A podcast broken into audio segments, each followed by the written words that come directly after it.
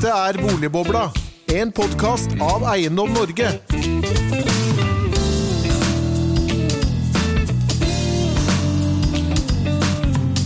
Hjertelig velkommen til en ny episode av eh, Boligbobla. Vi er tilbake selvfølgelig etter sommerferie, og vi spør eh, hva skjer i leiemarkedet? For eh, utleieboligmarkedet det regelrett koker etter at koronapandemien ble erklært over i utgangen av februar. Og så langt i år viser Eiendom Norges utleieboligprisstatistikk en historisk sterk vekst i utleieboligprisene i de store norske byene.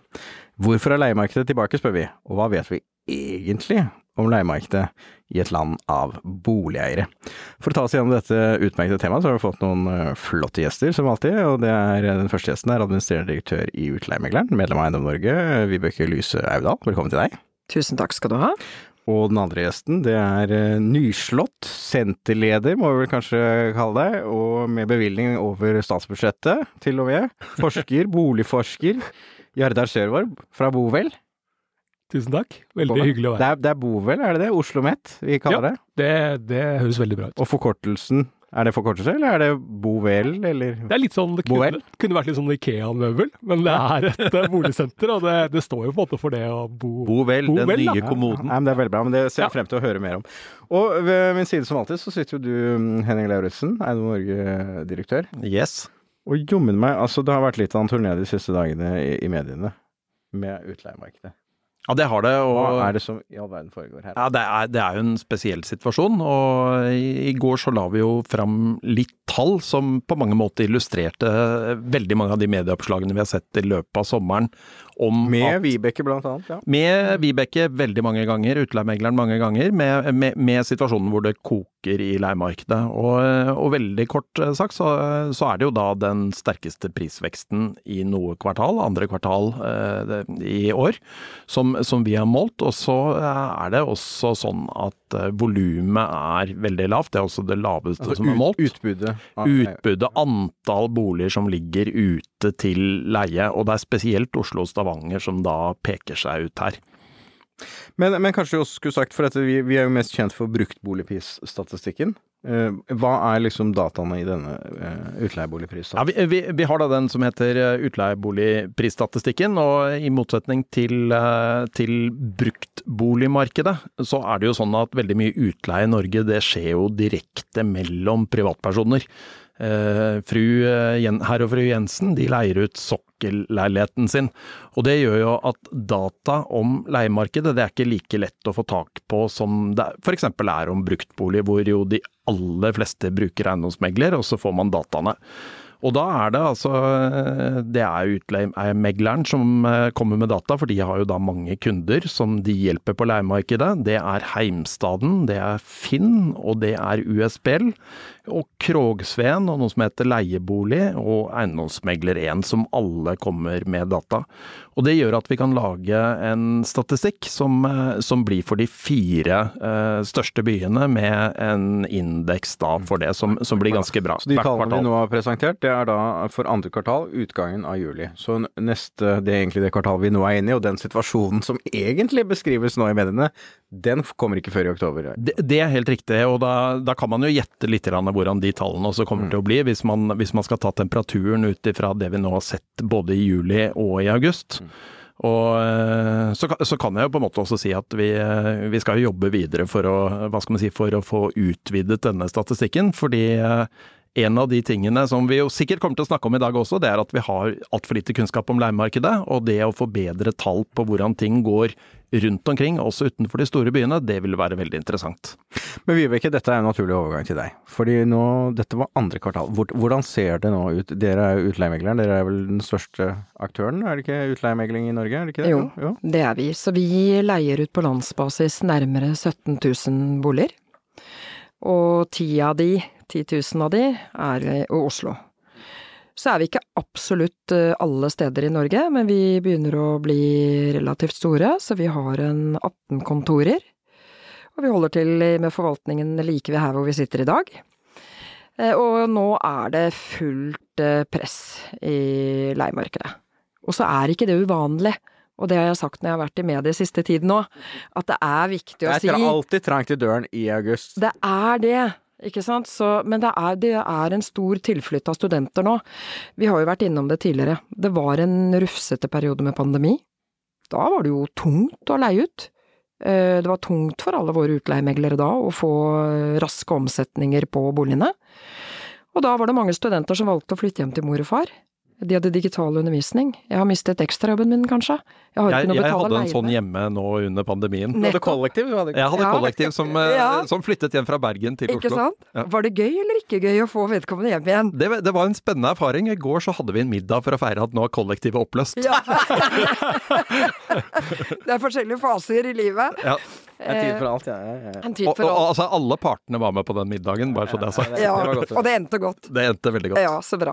Men det, men det er jo klart, når det da har våknet tilbake igjen, og det er kommet uh, til normalen, og arbeidsinnvandringen, som også trakk hjem igjen eh, til sine respektive land, nå eh, er tilbake, så er det klart at da er det et press. Så var det veldig, veldig gode salgspriser i den perioden vi hadde pandemi, når det var et tungt utleiemarked. Og det er klart at for småinvestorer da særlig, som kanskje ikke er like langt perspektiv som de større investorene har, så var det mange av de som valgte å slippe den boligen, for da ble man usikker. Hva er det som skjer nå? Er jeg heldig hvis jeg selger nå? Kommer det til å synke senere? Hva er det som skjer? Og da slapp en del av, marked- en del av utleieboligene ut av markedet. Og det ser vi jo nå. Mm. Så nå er det stort press, eh, og samtidig så er det jo Det øker jo bare på med studenter. Jeg kikket på en eh, undersøkelse fra, fra SIO, og der de siste ti årene så er det 60 000 flere studenter. Mm. Men, men øh, hvem, er det egentlig som er leietagere? Altså 17 Ja. 000 boliger, da er det vel kanskje, hvis det er to personer hver bolig, da, så er det da 34 000 som bor i de leieboligene som dere håndterer, kanskje? Og eh, leietaker kan jo være så mangt. Det er helt åpenbart studenter. Det er eh, arbeidsinnvandring. Mye. Og så her hender det jo da at noen ikke er så glad i hverandre lenger, og at det er noe oppløsning i heimen her og der. Og da er det jo faktisk også de som velger å leie en periode, eh, frem til de finner noe annet, og det er brudd og sånne ting. Og så er det jo noen som, og det er mange som ikke tenker på, men det er noen som ikke vil eie. Mm. Men de vil leie. For det første så kan det være at det er ugunstig for meg å kjøpe nå, Mhm. med en dukkavgift, som jeg har for kort tid til å spre den kostnaden utover. Mhm. Hvis jeg tenker at nå skal jeg flytte ut av landet om ett år, Mm. halvannet år. Mhm. Eh, jeg vil ha fleksibilitet. Mm.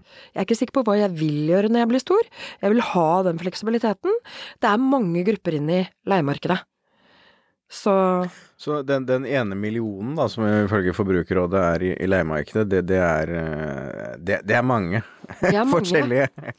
Det er mange, Mm. og det kan jo, og har jo vært over mange år et stigma også i forhold til et leiemarked, så det er kanskje Ja. også derfor du spør. Mm. Fordi man har jo tenkt, det er jo den sterke boligmodellen i Norge, man skal eie. Mm. Eh, men det er faktisk så mange eh, som ønsker og vil leie, og det passer i livet akkurat nå. Og det er jo det man må forholde seg til. Så skal vi ha et godt boligmarked i Norge, så må vi ha et eh, godt eiemarked og et godt leiemarked. Men, men ser du på en måte for deg at, øh, at liksom, nå er det jo vel 8 av 10, kanskje 75% av alle boligeiere som er eier. Ser du for deg på en måte at dette vil endre seg? Ja, det kan det gjøre, fordi jo større arbeidsinnvandringen er til Norge, jo flere er det som er vant til å leie. Hvis du ser litt utenfor Norges grenser, trenger ikke gå så langt, kan gå til Sverige for eksempel, så er det jo et veldig stort leiemarked. Og det påvirker jo når de kommer inn her, de tenker ikke at de skal eie, komme inn her og eie, de synes det er naturlig å leie. Så det kan vokse, det har vi troen på at det kommer til å gjøre, men da må det også være et utbud som gjør Mm. at det er mulig. Men hva, hva med dette med seniorsegmentet, da? Er det, er det mulig å se for seg liksom at, at øh, flere pensjonister vil selge boligen sin? Bli leietakere? Det har vi kunder som gjør allerede nå. Mm. Så vi har jo en eh, bygård, faktisk på Jessheim, eh, hvor de har ønsket at vi skal gå inn og forvalte og leie ut og passe på denne bygården. Og det er en bygård hvor de har kun det eldste segmentet. Men dette er jo friske mennesker, men som kanskje har blitt én, for eksempel. Og da vil du gjerne ha noen rundt deg som gjør at det er spennende å bo der. Og det er jo ikke alltid like enkelt når du har blitt eh, eldre og kanskje har mistet din partner og sånn, så der er vi i et veldig spennende prosjekt på ESM hvor vi holder på med det. Og det er et eldrekonsept. Og da er det utvidet med mye mer tilbud i denne gården enn det vanligvis er i en leiegård. Men dette er jo en perfekt overgang til deg, eh, Jardar. Boligforskeren. Altså, i alle år så har jo vi i hvert fall i Eiendom Norge sagt at eh, leiemarkedet er norsk boligpolitikks glemte kapittel. Er det det? Altså, det er jo på noen måter det. Altså, men nå er det jo ikke sant, det er jo i vinden. Det dukker jo opp når det er ikke sant, om høsten. Det er liksom klassisk. Nå tror jeg det koker litt ekstra mye. Og så ble det kanskje ikke kokt, det er en stund siden det har kokt så mye som det gjør nå. Eh, men ja, det er litt sånn stemoderlig behandla sånn rent politisk. Det blir liksom avskrevet litt. Altså, vi skal eie vår egen bolig. Det er jo veldig mye, sant. På individnivå og på samfunnsnivå så er det veldig mye positivt med det. Men som vi hører her, en god del må leie, eller ser seg nødt til å leie. En del vil det i perioder. Det er jo et livsløpsfenomen. Så de fleste har vært leietakere. Men, men det er ganske få i Norge som er det over veldig lang tid. Sant? Da er vi nede på sånn 8-10% og sånn. Eh, forskjellig man kan gjøre beregninger om du har bodd liksom etter du er 30 da, for eksempel. Eh, over lang tid, mer enn fem år eksempel. Så kan du kanskje regne deg som langtidsleieboer da. Mm. Og det henger jo sammen med hvordan liksom, både kulturelle ting, men også liksom, hvordan boligmarkedet er rigga, også de politiske rammebetingelsene, skattesystemet. Mm. Ikke sant? Det er et veldig sånn eiervennlig skattesystem. Ikke bare er det gunstig å eie sin egen bolig, men det er ikke alltid så gunstig å leie ut. Leietakeren får ikke noe leiefradrag som leieren får et rentefradrag. Nei, han gjør ikke det. ikke sant? Det er noen som mener at de bør ha det. Eh, man- Stadig flere, har jeg inntrykk. Stadig flere. Ja, jeg har sett det. ja, men så Det kan det hende, ikke sant. Men markedet er komplekst, ikke sant. Jeg skal ikke, sant? For da eller prisene øker litt. Altså, ikke sant? Det er et marked, Mm. dette her.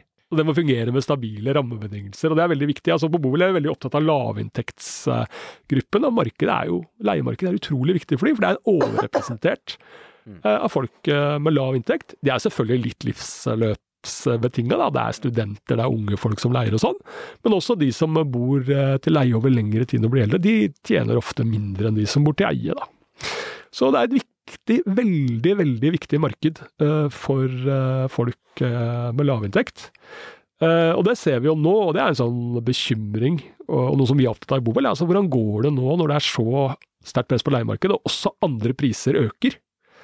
Eh, på mat og så videre. 4% økning i matvareprisene. Ja, sant. Brødet Det er med 10 heftig. Ikke sant? Det er heftig. Mm. Og det biter for, de, for en god del av de som leier, så biter det. Mm. ikke sant? Og, så det er en utfordring uh, som vi har nå, som er vanskelig å løse på kort sikt. Men kanskje vi kan rigge leiemarkedet på en annen måte liksom på lang sikt, sånn at vi, vi slipper det der enorme at det er et så, at det er sånn ubalanse mellom tilbud og etterspørsel som er sånn. Så tilbudssida på leiemarkedet det blir viktig, og da er det liksom en diskusjon eh, som er viktig at man har liksom tunga rett i munnen og finner de riktige virkemidlene som fungerer over tid. For det er veldig vanskelig å fikse dette sånn Mm. over natta. Men det, jeg tenker jeg vi skal komme litt tilbake til. Men, men hva, hva er på en måte mandatet fra Vi fikk jo Boligmarkedsforskningssenteret, eh, som også ligger på Oslo OsloMet. Det var jo da professor Erling Rød Larsen som leder, og det var bevilgning også da fra delvis Finansdepartementet og, og statsbudsjettet. Og det er jo ikke et oppdrags... Det er mer sånn grunnforskning på, på boligmarkedet.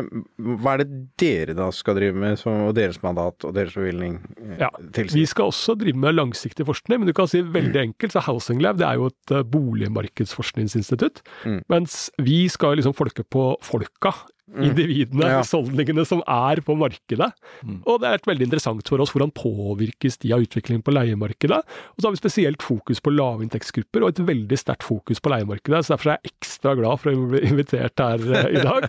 For vi skal jo forske på boligkarrierene til leieboerne. Hvem er liksom, hvem er leieboerne? Mm. Rent konkret da, på registerdata, der vi liksom kan følge alle individer i Norge som Mm. er leieboere. Så er vi opptatt av ikke sant, hvor høy hvem forsvinner inn og ut? For det er ikke de samme. ikke sant? Vi sier vi har én million leieboere, men De er ikke de samme til enhver Det er tid, ikke de samme til enhver tid. Så da er vi opptatt av hvem som er det over lang tid. Så altså dere vil eh, trekke atferden, da, kan du si, også til, til konkrete individer? Og også hvordan det å være leieboer påvirker uh, deres liv på andre måter, f.eks. utdanningsprestasjoner til barna, f.eks. Og så er vi opptatt av kausaliteten, da. ikke sant? Uh, er det det at det, hva, Årsak-virkning? Ja, årsak-virkning. ikke sant? Ja, at det liksom, ja, er det, uh, er det fordi det Eller hva? Kan man liksom isolere den faktoren at det er leieboer i seg selv betyr noe, eller er det liksom andre bakgrunnsfaktorer som utdanning, inntekt osv. Eh, som eh, Men det er liksom noe med leiemarkedet. Det er jo det at eh, man har ofte tilgang til eh, dårligere rekreasjonsområder når man bor til leie i Norge, da. Mhm. eh, som kan også påvirke deg på mange forskjellige måter, da. Så, så det er på en måte vårt mandat. Og så har vi også et veldig stort fokus på den kommunale boligsektoren, som i Norge er en veldig spesiell sektor, eh, som er retta mot de aller mest vanskeligstilte. Mm. Hva gjør kommunene der? Og der vet veldig lite, ikke sant. Eh, og jeg har fors vi har forska litt på dette her nå. Liksom, Gjengs leie, det er veldig vanskelig. altså Det praktiseres veldig ulikt fra kommune til kommune, f.eks. Er, er ikke det egentlig bare markedspris, da, gjengs leie? eller? Jo, men som man finner noe å sammenligne med, da. Da jeg var student og jobbet i Leieboerforeningen, så var jeg med å lobbe inn akkurat gjengs leiebegrepet. Så jeg har skapt mye hodebry på mange i etterkant. Ja, så er det noen som kaller det kostnadsdekkende. ikke sant? Det er veldig mange forskjellige. Så dette, vi har en tanke om at disse uh, beboerne de skal videre gjerne til en selveid bolig, eller til et private leiemarkedet. Men det er jo veldig sterk selektering i utgangspunktet, så hvordan henger egentlig det sammen? Men la oss begynne med, det, med det, det, det største spørsmålet først. Hvor mange utleieboliger er det i Norge? Det er utfordrende å svare på. Det er umulig å svare på, er det ikke? Fordi tallet finner du ingen steder. Og så er det også et skille på det. Fordi at eh, hvis du er en profesjonell aktør som oss, så kan ikke vi leie ut alt. Det må være godkjente boliger, Utleieboliger. Okay, så dere kan ikke leie ut altså det hybel andel av egen boligtyp, da? Nei, ja det kan vi jo i kollektiver eller noe annet. Nei, er ikke det den store satsingen. Ja. Men egen eh, større leiligheter i kollektiv, det leier vi ut. Det må være lovlig, Men det må være lovlige boliger. boliger ja. Så du kan ikke Og det leie ut en er jo et Masse på privatmarked som er, kan være ja, ulovlig utleieboliger utleiebolig. rømmelighets- Ja, rømningsveier, alle den typen problemstillinger den. som likevel leies ut. Ja. Så der begynner du liksom første sortering, da. Og så, når du skal sortere videre, da, hvis du skal gjøre den tellingen, da. Nei, vi har uh, forhørt oss. Vi har hatt prognosesenter, og vi har hatt flere, Ja. og vi har gjort noe jobb på det. Men vi vet ikke hvor mange utleieboliger det er. Men altså anslagsvis i Norge så er det vel altså i matrikkelen det er vel 2,4 millioner boliger, synes det, og så er det 450-500 fritidsboliger. Men det snakkes hele tiden om én million leietakere. Mhm. Og de tallene som ofte har kommet opp, er også 500 000 husstander. Eh, og, og det kan jo være, men det vet ikke vi, har ikke forankring for den. Mhm. Men det er de tallene som ofte har blitt brukt. Mm. Så da er det to personer per husstand, da. Ja, I gjennomsnitt, ja. Men da, det vi ofte hører, er jo disse sekundærboligtellingene. Men altså, utleiemarkedet er jo langt mer enn sekundærbolig. Der. Og sekundærboliger er langt mer enn utleieboliger. For å gjøre det komplisert. Ja. Ja. for det er også hytter og jeg Ja. vet ikke hva. Vi er ikke fritidssegmentet, men det er jo det. Eh, nå, hvis man har fulgt med i medier siste tiden, så er jo studentene ganske kreative nå. I Kristiansand så, så er det jo nå noen som velger å bo i båt Mm. eh, når det er vanskelig å leie. Så det er jo mange former for å bo, ikke Ja. bare leilighet. Mm. Så, så din beste guess er at det er kanskje 500 000 Ja. leieboliger, da, eller noe sånt, Utleieboliger. i Norge? Vil du tippe? Og da, da snakker vi om sånn selvstendig boenhet, rett og slett. Ja. Og, men da, da inkluderer du ikke de som leier ut ulovlig? Nei, Nei. Men, men vi kjenner ikke det tallmaterialet godt nok, så vi kan ikke være bastante på det. Vi kan ikke det. Men det jeg kan vite, er at vi snart har 17 000. og jeg kan også si at vi vil ha langt flere enn det. Ja, ja, det går jo. Ja. Så det, det kan jeg si med sikkerhet. Ja. Så, så det er ikke rene tall på det, og du finner ikke noe statistikk som viser det eh, eksplisitt. Men det er jo et marked her som Det er ikke alt som annonseres heller. Vi følger jo relativt mye med på det som annonseres. Veldig åpen markedsplass på utleie i Norge. Ja. Det er klart at Finn er veldig tydelig, Ja. eh, og ganske stor og markedsdominant i det. Men det er mange boliger som skifter hender uten å annonseres også. Så det kan man jo tenke seg med et stort privatmarked som leier ut, og hvis den som flytter ut har en kompis som har lyst til å flytte inn, så er det mange som synes det er greit nok. Mm. Ja. Så, så den Dette er en bra bolig, utleieren er en bra utleier utleier og så videre, så går det det Så på den måten. Så matchingen den foregår på utenfor markedsplassen? Ja, det er en del som gjør Det det. er det som gjør det vanskelig også for en del grupper, liksom innvandrere, ja, lavinntektsgrupper generelt. At det er liksom et vanskelig marked å komme inn i nettopp fordi det, ikke sant. Det er ikke bare vennskap og kjennskap. ja, det skal bli kjennskap, og det viser statistikk òg. Det er lettere hvis man bare, hvis det har vært stort profesjonelt utleiemarked sånn sett, eller hvis, hvis utleiemegleren liksom hadde hatt 100 000 boliger, da. Ja, takk. Ja, men det ville vært, det ville mye, enk, det ville vært mye enklere. Ja, det er helt enig eh, med for, Jo, jo, men det ville Da, da ville man ha satt datatilgang for alle som ville både skulle vurdere og forske på boligmarkedet. Det har vært veldig positivt for meg som, for oss som forskere Ja. også. Så, så ikke sant? Ja, men så kanskje man Ja, nei, det, det, det er flere sider med det. I hvert fall, for det er jo det er mange som har problemer med å identifisere et objekt av sånne årsaker. ikke sant? Men, men, men er ikke dette en ganske absurd situasjon egentlig? At vi altså, som land, da, og nå, nå sitter vi her mange rundt bordet som kan mye om boligmarkedet, at vi altså ikke vet hvor mange utleieboliger det fins i Norge? At vi har veldig sånn fingeren i været? Det er, eh, det er et eh, problem så, som vi gjør noe med. Men det er også det at det er flyktig. Bolig forsvinner inn og ut, som vi vet veldig Ja. godt. Så det er vanskelig å holde oversikt over. Og det er jo nå grunn til å tro at det kommer flere utleieboliger på markedet. ikke sant? Nå folk får med seg dette her. Og da er det sannsynlig da på en stund så vil vi se tilbudet øke igjen, da. Ikke sant? Jeg, jeg tror såpass om markedet, selv om jeg har stemt SV noen ganger, at jeg tror det er sånn det fungerer. det kommer nå flere Prisvekst og kraftig fokus i kombinasjon? ja, jeg er ganske sikker på det. Jeg er villig, villig til å vedde på at vi får en tilbudsøkning nå. Jeg, jeg har jo sagt at man gjør en, en samfunnsoppgave hvis man nå kommer med de boligene man ikke har leid ut, ut i øyeblikket, sånn situasjonen der hvor det er press, da. Og I tillegg så hjelper jo kanskje den økte prisen litt på, ja. Ja, jeg skulle tro det. Og det er mange som er opptatt av bærekraft, og hvis det står tomme boliger, så er i hvert fall ikke det sjekket opp på bærekraft. For det er jo om å gjøre å få det, som du sier, få folk inn i boligene. Mm. Man vet jo om en del land. Eh, hvis du er i New York og er rundt der, vi var der på visning for mange, mange år siden for å se hvordan leiemarkedet fungerte der. Det var jo mange, mange, mange boliger som står helt tomme. Det er svart om natten. Men de var jo ikke opptatt av at noen skulle bo der heller, det er kjøpt kun i investeringsøyemed. Og det er jo en vesentlig Altså faktisk, eh, akkurat siden jeg gikk inn her, så begynte jo noen sånne journalister fra NRK å ringe meg, fordi jeg hadde skrevet på Twitter litt tidligere i dag at eh, den norske boligmodellen er et bolmerk mot finansialiseringen av boligsektoren. Det vil si altså at de store globale aktørene, fond typisk, da, som har kjøpt boligporteføljer rundt omkring i en del land og byer, blant annet i Danmark, eh, BlackRock blant annet, eh, de har ikke kommet til Norge. Fordi det er ingen porteføljer å kjøpe. Mm. Eh, Du kan ikke gå ut og kjøpe 30 000 utleieboliger fra én aktør der. Nei, og, og det har jo vært Kanskje det du beskriver her, er jo den, den, den der hvor boligen ikke lenger er en, en tjeneste, men en finansiell asset. Ja.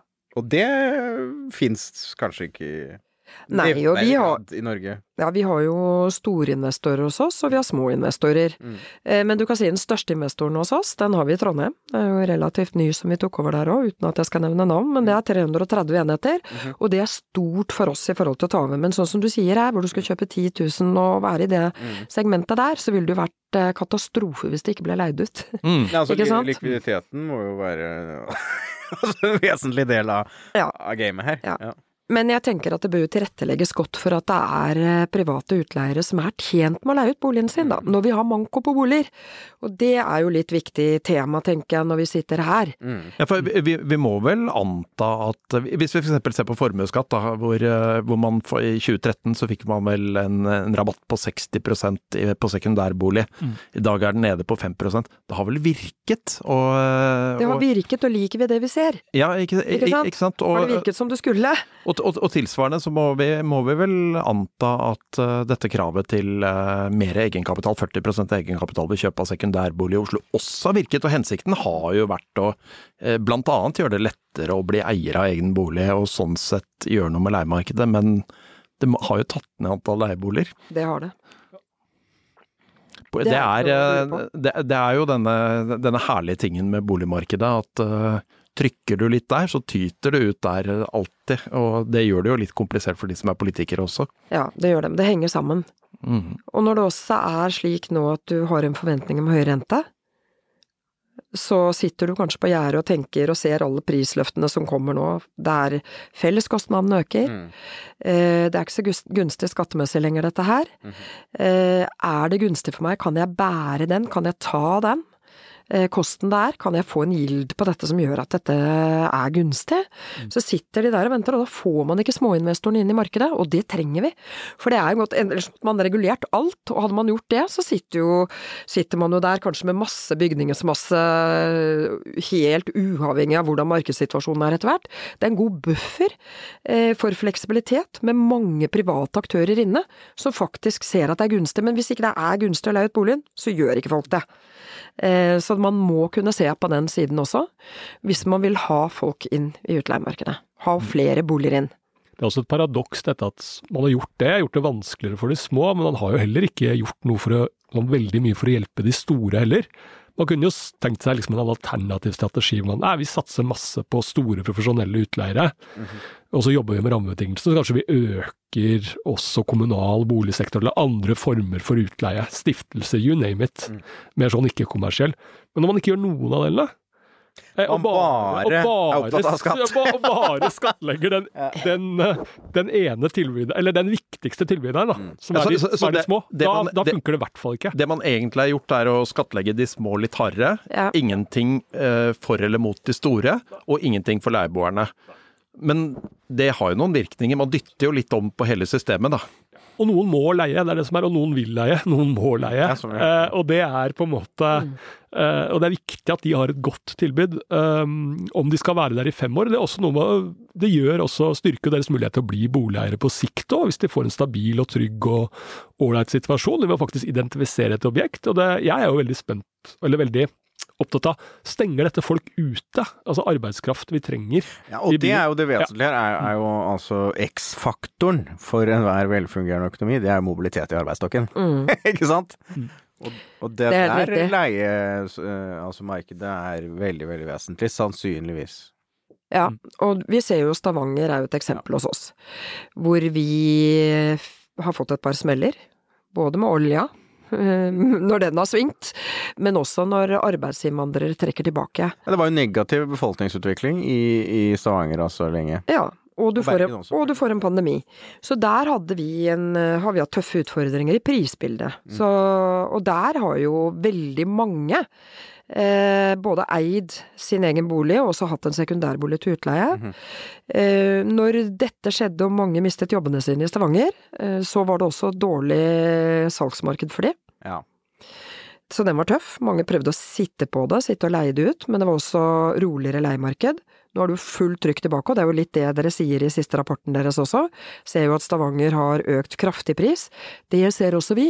Men det interessante er at de er fortsatt ikke høyere enn vi var i 2014 når vi ser på våre tall. Vi hadde høyere leiepris i Stavanger i 2014 enn vi har nå.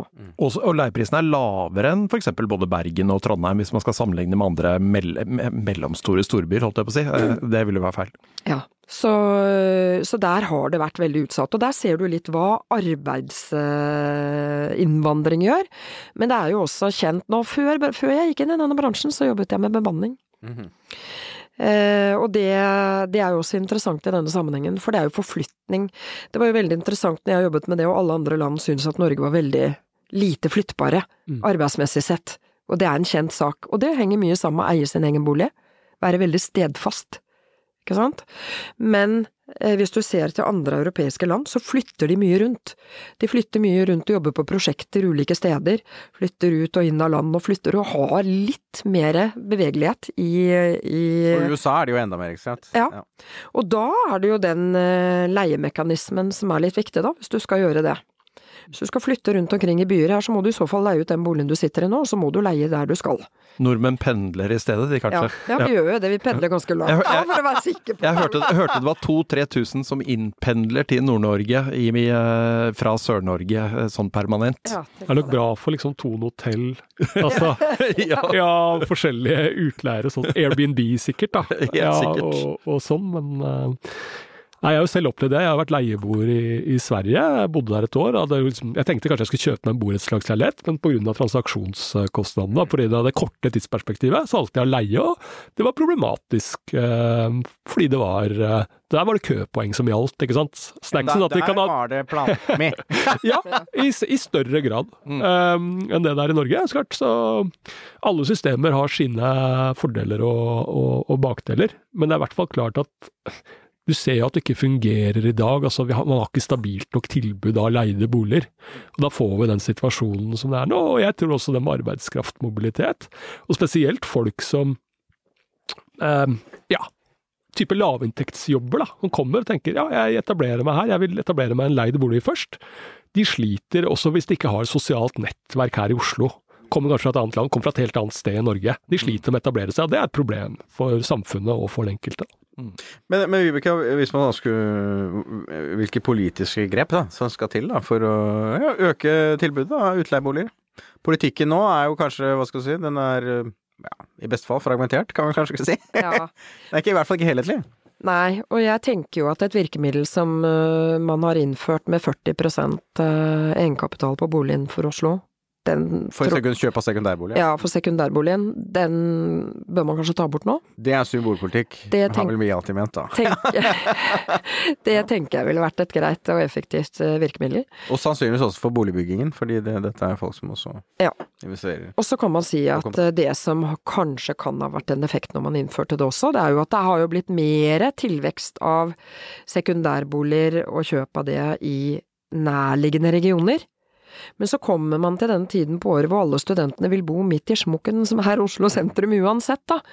Eh, Så ser jeg jo nå at de bygger studentboliger i Lillestrøm, og så får vi håpe at vi etter hvert begynner å utvide radiusen. Jeg drar fra Rælingen til Oslo hver dag, jeg skal ikke bruke meg selv som sammenligning, men det, det er ganske mange som er yrkesaktive. Men jeg må jo fortelle- fra et annet fylke. Helt fra et annet, helt fra annet fylke. eh, Men studentene må bo midt i. Men jeg må jo si, altså vi var i møte med, med MDG og øh, Oslo kommune i dag. Og da, i det møtet, så sa jeg det at dere må jo erkjenne det at Oslo er jo paringsarena. Ikke sant? Du kan ikke pare deg, finne en partner, hvis du pendler. Altså fra Det var et alternativt Ikke sant? Jeg ville kanskje ikke brukt de ordene, men jeg skjønner hva du mener. Det foregår altså, altså, altså gutt møter jente. Eh, Det er sånn forringen for, fortsatt foregår, for de som ikke har opplevd det. Typisk i sentrum, ikke sant. Enten det er Oslo, Bergen, Trondheim, hva det måtte være, Tromsø. Anywhere else in the world også. Ikke sant. Det er sånn det funker. Og så etablerer de seg da et annet sted etterpå. Er det ikke sånn det funker? Altså, jeg protesterer ikke. altså, jeg hadde det samme perspektivet. Nå, nå har jeg ikke det behovet lenger. Du, Du vet at Erik er et kommunikasjonsmenneske også, så her er det klart for overskriftene. Nei, men det er klart det er tilbud. Liksom. Du vil bo sentralt, og det er jo klart at det, det er man kunne jo løst ikke sant? Teoretisk så kunne man jo bygd masse studentboliger i Groruddalen og sånn, sånn rent teoretisk, men de vil, det er jo ikke der de vil bo. Um, så det ville sannsynligvis ikke løst Jo tettere, jo Ja. bedre, liksom. Ja.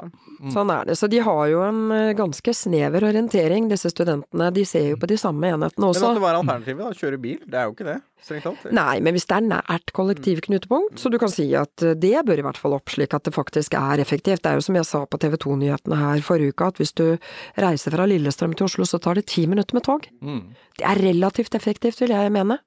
Fra Lillestrøm er det blitt relativt. Mm. Men kostnadene det er jo kost-nytte. Altså, det er jo mange variabler her, da. Kan Ja, ja, liksom ja, det er det. Omregner i øl hvis du er student. Ja, ja, ja, ikke sant. Det er, det Ja, vi får se. Er Follobanen kommer jo nå i, um, i november. Eh, og da får vi se. Jeg tror ikke mange studenter kommer til å flytte ut dit, men det blir da 12-13 minutter. Altså, jeg bor jo i Ski, Ja. så for meg så blir det en hyggelig reise. Men jeg kan fortelle, altså jeg studerte jo da statsvitenskap, det gjorde du òg. Vi gikk Ja. jo sammen også. Og da gikk jo finansminister Trygve Magnus Slagsvold Vedum også der. Men han bodde ikke på Stange. Han bodde på, i Kirkeveien på Majorstuen. Ikke sant? Dette var en skjult hevn. Det tror ikke han er åpen Nei. Og det var faktisk en eid bolig, så vidt jeg kan huske. ja. Så altså det, selv eh, hva skal si, de ruralt orienterte, de trekker inn for denne paringseffekten som jeg her prøver å sikte til. Alle har forståelse for det, da, at det er spennende å bo i Oslo, som er sentrum. Og hvis du bor på landet eller andre steder og skal inn og studere, så er det spennende å bo der. Men uh, det er ulike faser i livet, og det er andre leietakere enn studenter i markedet òg. Mm. Så man må på en måte se på hele bredden. Og jeg, jeg tror det man må, skal man ha et større utbud, så må det i hvert fall være interessant å gå inn i det markedet for investor. Mm. Uh, Og da må man se på de virkemidlene som kan fungere for det. Og når vi nå ser eh, Det er jo andre mekanismer, jeg tenker det er mye som burde vært bygget, og som kanskje ikke er bygget fordi kostnadene har blitt veldig høye. Eh, Man ser jo også at eh, det har vært regler, i hvert fall i Oslo, Mm. for å prøve å begrense mye bygging av små boliger Mm. under 35 kvadrat. Og hva er det studentene Eller egentlig vil under ha? 80, egentlig er det jo. Ja, det òg. Mm. Og da kan man jo tenke seg, hva skjer med det, da? For det er jo typiske utleieboliger. Eh, som søkes og, og, og leies ut gjennom det. På, I det segmentet der, størrelsen der, ligger jo de fleste av de. Så det er flere ting som har Vi har, vi har tatt litt fra alle Ja, for det som, her. det som også ofte har blitt eh, hva skal du si, harselert over av politikeren, det er jo det at i bydel Frogner da, så er det, var det 35% Nesten 40 Nesten 40 sekundærbolig. Ja.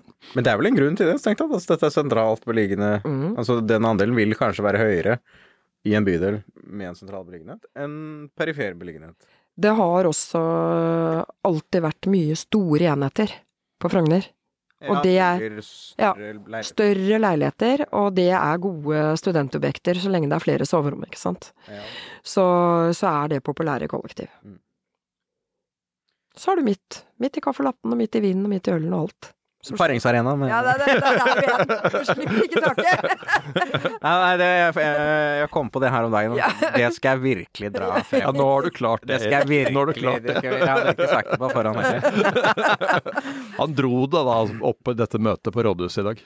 Men, men altså, hvis vi da skal se litt, grann, litt grann fremover, da. Altså, hvordan ser dette ut uh, utover? Neste, uh, et år frem i tid? To Ja, år frem i no, tid? noe må gjøres, faktisk. For de har jo ikke noe tro på eh, at det plutselig tikker inn enormt mange utleieboliger akkurat slik som det står nå. Ja, det er lett å leie det ut, eh, men eh, du må jo da ha denne sekundærboligen med de kravene som stilles til det. Mm. Det er den beskatningen eh, som det er akkurat nå. Så det er noen virkemidler, virkemidler som må skrus på Så her altså boliglånsforskriften, når den nå skal da Trygve Magnus Slagsvold Vedum, som ble nevnt her, han skal få lov til å revidere den i, i høst, så er det det du vil kreve? Den 40 Det tenker jeg er fornuftig for å få flere private investorer inn, som gir en god Det er en god støtdemping, da. Eh, Ved at det er en del private småinvestorer inne i et marked som, eh, som er her. Mm. At ikke alt er gjennomregulert. Mm. Men så må man jo også etter hvert, nå skal vi ikke snakke mye om det i dette møtet, men, men en del, når vi snakker reguleringen, når du snakket i sted om hva er utleiemarkedet, og, og hvis det er sårbare grupper som leier der, og hva er det som blir utleid, og hvis man går på Finn og ser, så kan du si det er ganske strengt regelverk, og det vet du innenfor eiendomsmegling, til hva vi kan leie, leie ut av boliger, og hvordan våre prospekter skal se ut, og hva det er. Men det er jo ingen krav på det private markedet. Så hvis det ikke skal være stigma, og hvis det skal være gode leieboliger å bo i, så bør man eh, få strengere krav til de private for utleie. Og så kan du si at det, da snakker jeg jo litt imot meg selv i forhold til hvor mange boliger igjen, ikke sant? Men det er også en del av bildet. Hvis man skal ha gode boliger å leie ut. Altså de private må, på en måte få Det må være, mer kontroll, da, kan du si. Mm. Ja. Og kanskje Men- er det Finn, da. men, som men, men er det ikke fullstendig selvsagt at det er jo helt uakseptabelt å leie ut noe som er ulovlig eller farlig? Eh, altså, det er jo en ting som alle har en interesse å få bukt med, og så, og så må det jo være en, en eh, trygg og ryddig bunnterskel eh, Ja. på dette. Eh, altså, hvis vi snakker om lovgivning osv. Det er en forutsetning. Og så, så er det jo et eller annet med å få dette markedet til å selvfølgelig få balanse der det er markedsubalanse. Det er kanskje Oslo i en særstilling, men, men få det ryddigere og ryddigere, sånn som man har fått innenfor mange andre markeder. Gjerdar, det- hvordan ser fremtiden ut for dere? Altså Regjeringen har jo da nå Vi har fått en ny boligminister. Han ble byttet ut, den forrige ble forsvarsminister. Nå, nå er det da Sigbjørn Gjelsvik fra Senterpartiet som er boligminister. Han skal lage en boligmelding. Den er visstnok eh, satt i gang nå. Hvordan ser liksom fremtiden ut? Jeg håper jo at, uh at man liksom benytter denne muligheten som leiemarkedet virkelig har kommet på agendaen, til å ta liksom en helhetlig gjennomgang. Jeg syns det har kommet fram veldig mange gode innspill her. Altså Det må være en pakke, da. Man må se dette her i sammenheng. Skatt, regulering. Man må ha nok tilbud, og man må ha trygge og gode boliger. Så jeg tror på en måte at leieboligpolitikken er veldig sånn stemoderlig behandla. Alt må opp, liksom. Er det lurt å innføre sånne skal jeg si, særkrav på sekundærboliger? Ja, hvis man skal ha det, må man i hvert fall gjøre noe annet. Man kan ikke bare, som verdi- man kan ikke bare liksom regulere ned én aktør, og så ikke sørge for andre. Da må du ha en annen strategi. For akkurat nå så, så har man en eierboligstrategi. Man har ikke noe egen strategi for det at folk skal leie bolig. Og det tror jeg faktisk er litt uh, alvorlig. Og så tror jeg at dette her med at folk sliter med å finne et objekt, bare. Og så er det lett hvis du har lang botid, hvis du kjenner masse folk. Altså Ingen rundt det bordet her ville hatt noe problem med å finne seg en eh, leiebolig. Eh, Men for andre så er det ikke så enkelt. Hvis man kommer utenfra, Mm. arbeidsinnvandrere, eh, folk fra andre steder i landet, de vil slite med å finne et godt objekt fordi de ikke har mye hva skal jeg si, forbindelser, og det tror jeg er et problem. Så jeg tror jo at profesjonell utleie, som vi har veldig lite av, er en del av svaret eh, på utfordringene. Samtidig så vil ikke det løse seg, ikke sant. Det kan godt hende det blir litt dyrere leieboliger, for eksempel. Mm. Fordi de har andre krav. For, Ja. Sier jo at de har også veldig sansen for utleiemegling, fordi Mm. det bidrar jo også til denne ryddigheten som Ja. vi, som Ikke vi ellers ikke ser. Ja, og jeg tror det er bra at det blir Altså jo for vanskeligstilte og for folk som ikke har masse kontakter og kan ordne seg sjøl, så er det at det er, er, er mer, si, gjennoms, et mer gjennomsiktig marked er bra for de. Jo litt mer byråkratisk, der det blir mer objektivt. Der det ikke blir forskjellsbehandling på, liksom, på vilkårlig grunnlag. Eh, der man liksom stiller, og så er det klart så er det et problem for barnefamilier, eksempel. Jeg tror de også sliter. Du vil hvis du lærer du vil leie ut ingeniøren som bor her fire dager i uka. Du er ikke keen på den eh, barnefamilien som sliter ned kåken? nei, ikke sant. Så det, det, er, det er en utfordring. Ja, det er det. Ja. Og så er leiemarkedet mye mer enn det man kanskje tenker. Man snakker jo typisk om alle disse små, små enhetene, små leiligheter.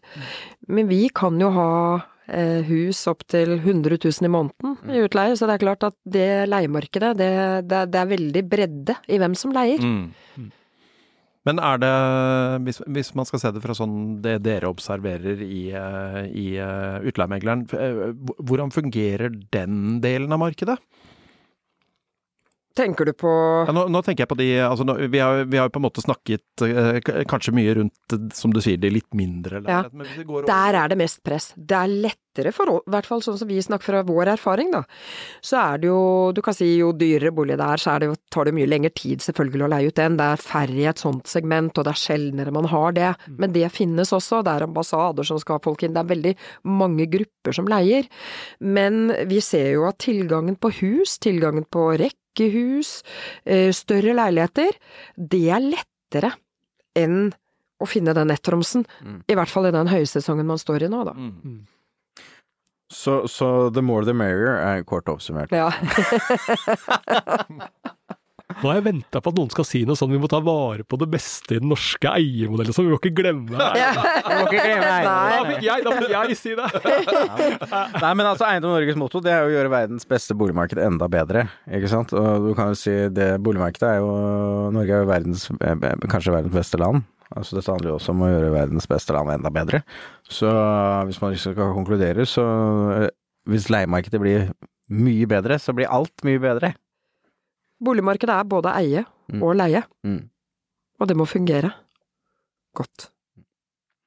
Nei, Det er en fantastisk eh, siste ord, og vi må, jo, vi må jo ta vår faste spalte før vi avslutter også. Og det er jo selvfølgelig, vi spør jo alltid gjestene hva mm, Min første bolig. Hva du kjente, hva du følte, hva du kjøpte, eller hva du leide, eller hva du betalte. Vibeke, kan vi begynne med deg? Ja. Jeg hadde jo da dratt med meg min praktiske far rundt omkring på masse leiligheter. Fordi jeg skulle jo kjøpe Sånn som i den NRK-sketsjen Ja. ja. ja, som dunker. ja. Og den boligen jeg kjøpte, den hadde han ikke fått vært med på. Det var den eneste han ikke var på Men den var var koselig, kanskje? Ja, der, da var det fordi jeg hadde kjørt feil. Eh, Jeg bodde på Skedsmokorset, eh, så jeg kjørte rundt i Oslo, og da havnet jeg på Torshov. Og da kjøpte jeg en eh, toroms på Torshov, eh, og min pappa fikk jo lettere sjokk når han så hva jeg hadde kjøpt, og jeg sa at eh, min bror er jo rørlegger, og jeg har jo mange kompiser som er håndverkere, dette blir kjempebra. Dusj på kjøkkenet, dusj på kjøkkenet. Det var det. Det var Det husker jeg på mange av de Det på Torshov. ja, det var dusj på kjøkkenet, så den måtte man jo snu, men, men det er klart, jeg har en bror som er rørlegger, så det ble en strøken leilighet! Og han bygget opp dette badet, for det var jo da det Ja, minste det var ikke bad. Nei, men han, vi fikk bad der, ja. ja. Ja da, og det var trapp opp, for det var jo høyt, vet du, under taket. Ja, ja, ja. Men det var meget lite, så var sånn liten vask, og så fikk du liksom dusjen litt høyere opp sånn. Så det var, det var veldig, veldig koselig å bo der. Edmund Neuperts gate. Det var en bitte, bitte liten veistopp på Torshov. Og den, nei, Edmnup, tror jeg det står i, i kartet. Og, og den ga jeg 250 000 for, ja. I ja. Skal vi se, når var det da? Ja, det, er- det er så langt tilbake at Det var man husker. gjette sånn midten av 90-tallet. Ja, det er det. på den prisen der. Det er rundt 94 eller noe sånt nå, tenker jeg. Mhm. Eh, ja, 92. Og den eier du fortsatt som sekundærbolig? Nei, det gjør jeg ikke. Men ja, jeg leier ut, men ikke, ikke, den har jeg ikke. Og det var mulighet for å utvide det også, ta i bruk eh, loftsetasjen, men jeg bygget ikke ut den. Oh, la. Så det skulle jeg gjort, vet du. Det, det er mye man skulle gjort. Ja, Sånn er det. det. ja. Men det var, det var litt høyere sånn finansieringskostnader og litt dårligere tilstander i norsk økonomi back in the day. Ja, ja, og der fylte jeg boligen med Det var loppemarkedssofa, og det var ikke Og det var Ikea, og det var Men det ble så fint, så. Jeg har elsket å bo der. Ja, det høres ut som en drøm. Og du da, hva er din første bolig? Jeg kjøpte min første bolig i 2005. Eh, Den kosta, tror jeg, 1,1 millioner, og den lå Den var 30 Da hadde altså boligprisen fra 1994 de hadde da firedoblet seg. Og den var 35 kvadratmeter. Eh, 35 kvadratmeter, og den lå på en liten bolig. Eh, den lå på i Ekebergskrenten, i Ekeberggata 7. Eh, og den uh, Og apropos dette med det jeg velger å kalle Oslo som sjekkearena. Jeg var jo litt nervøs når jeg kjøpte meg det. tenkte sånn, Paringsarena. ja, Paringsarena. ja. Det var litt langt med trikken, liksom. Jeg studerte jo på Blindern da. Uh, Jeg tenkte liksom, får jeg med meg noen hjem hit? Det var det, var det viktigste kriteriet! For jeg var nemlig og Og nå skal du høre, Ja, nå skal vi ta for jeg var og så på en bolig på Bislett før. Men det var sånn Der var det var- tøffelavstand. ja, det var, ja, det var, og den var kjempefin. altså Den var veldig sentral. Liksom, en drøm. Liksom? Bare trikken opp der. Ikke sant? Det Men den var, liksom, den var i smertegrensa, ikke sant. Så det endte med å, å trekke meg fra budrunden. Og så kjøpte jeg den. Og så bodde jeg der i to uker. Og så flytta min nåværende Så ble samboer. det paring. Så blei det det. Så blei det det. Og vi flytta da senere til Ski bare et par år etterpå. Men dette illustrerer jo hele mitt poeng. Hele ditt poeng kom nå! Og så trakk jeg meg ut. Så tråkk det deg ut. Til forstands... Ja. nettopp akkurat det. Ja. Oslo kommune, hører dere på? Ja, hører du Her er beviset. Jeg var også det, vet du. Jeg var på Torshov, og så endte jeg i Rælingen, så da Ja. Men så kan jeg bare si det, da, at eh, og dette, jeg solgte da den eh, til da en sånn småinvestor som jeg tror leide den ut uh, senere. Uh, eller som leide den ut da sikkert umiddelbart. Ja, Ja. det gjorde jeg. 14 dager senere, var det du sa? Nei, jeg solgte den et par, ja, par år, eller ja, noe i den stil. Mm. Men, men, Erik. Vi har jo liksom ett spørsmål til deg også, for det går rykter om at du har vært poet i sommer, har du ikke det? Jo, men si, jeg har jo bygd meg hjemmestudio ikke sant, under pandemien. Jommen meg fått meg realisert min langvarige drøm fra, fra barndommen. Med DIY, å bygge selv. Og ikke nok med det, så driver jeg på fritiden og sysler litt som poet også. Eh, og da har jeg faktisk altså begått en låt som heter Heter altså da ikke Boligbobla, men Bubble Burst.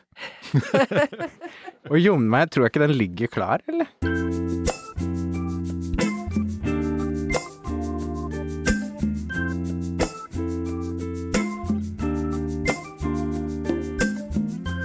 Bubble burst by the credit curse. Inflation surge and the bubble will burst. Financial alchemy by monetary policy. Create the saving glut for every rich slut. Bubble, bubble, burst. Bubble, bubble, burst. Seek rent when market is discontent. Socialize your loss when the dice is toss. Asset play when rates won't pay. Inequality rise when rates won't pour the way. Bubble, bubble, burst. Bubble, bubble, burst. Bubble, bubble, burst. Bubble, bubble, burst.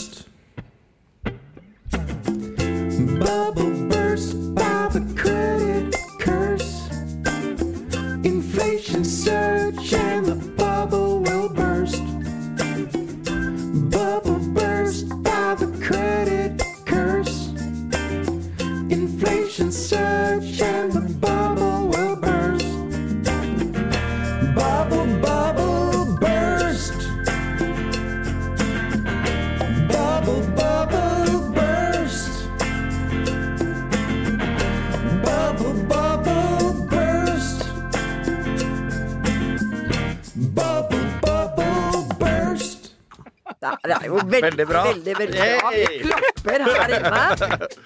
Det er veldig bra.